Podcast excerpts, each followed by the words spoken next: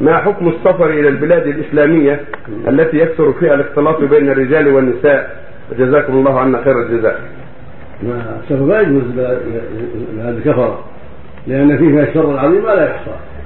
ولا يجوز السفر إلى بلاد المشركين. وقد نص العلماء على ذلك.